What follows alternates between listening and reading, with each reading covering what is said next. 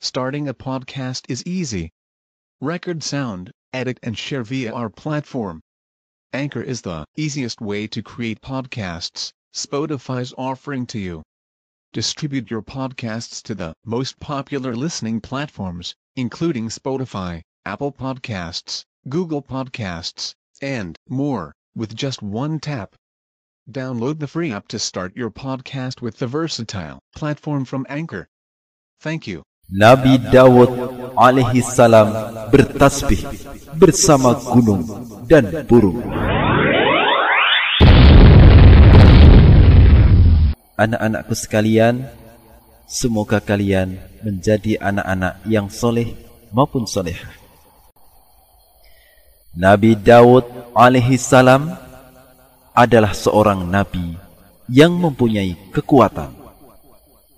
Kuat dalam ilmu, amal, ibadah maupun pemahamannya terhadap ajaran Islam. Rasulullah sallallahu alaihi wasallam berkata, Solat yang paling dicintai Allah subhanahu wa ta'ala adalah solat Nabi Dawud alaihi salam. Dan puasa yang paling disukai Allah subhanahu wa ta'ala adalah puasa Nabi Dawud alaihi salam. Nabi Dawud alaihi salam tidur pada pertengahan malam mendirikan sholat pada sepertiganya, dan tidur lagi pada seperenamnya. Dia berpuasa satu hari dan berbuka satu hari, dan dia tidak lari bila bertemu dengan musuh. Sesungguhnya, dia adalah orang yang suka kembali kepada Allah pada setiap urusan dan masalahnya.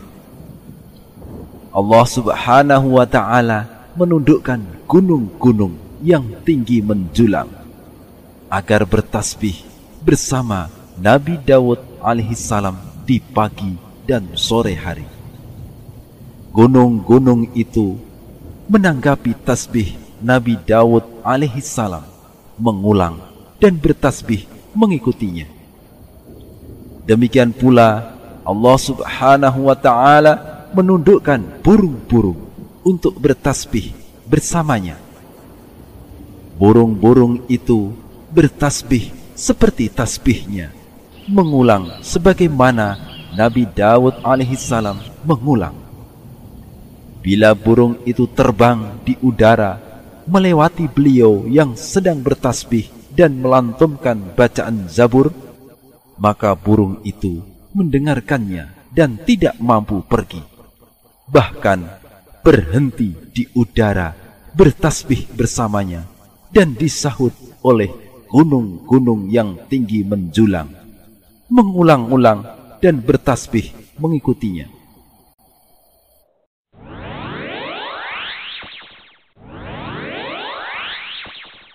Adik-adikku sekalian yang kakak cintai, tadi adik-adik sekalian sudah mendengarkan kisahnya Nabi Daud yang bertasbih bersama gunung dan burung. Siapa yang suka dengan kisahnya Nabi Daud? Baik, tentu adik-adik semuanya suka ya dengan kisahnya Nabi Daud tadi. Tapi tidak cukup sampai di situ adik-adik sekalian. Karena adik-adik harus tahu di dalam kisahnya Nabi Daud tadi ada faedah-faedah apa yang bisa kita ambil dari kisahnya Nabi Daud tersebut.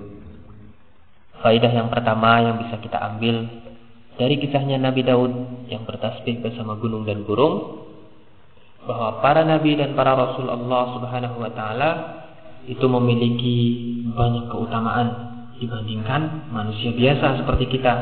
Para nabi dan para rasul itu lebih utama, lebih memiliki banyak keistimewaan-keistimewaan dibandingkan kita semuanya.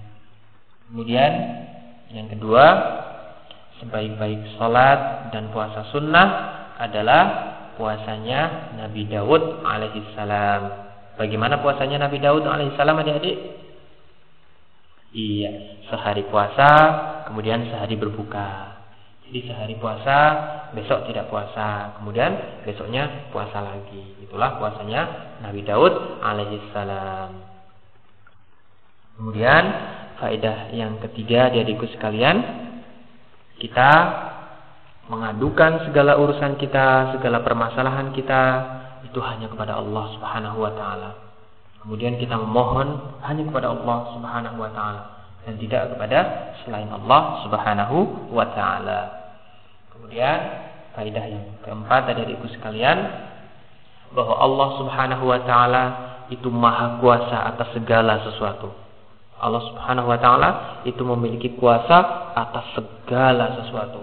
Demikianlah tadi adik-adikku sekalian beberapa faedah-faedah berharga yang bisa kita ambil dari kisahnya Nabi Daud yang bertasbih bersama gunung dan burung.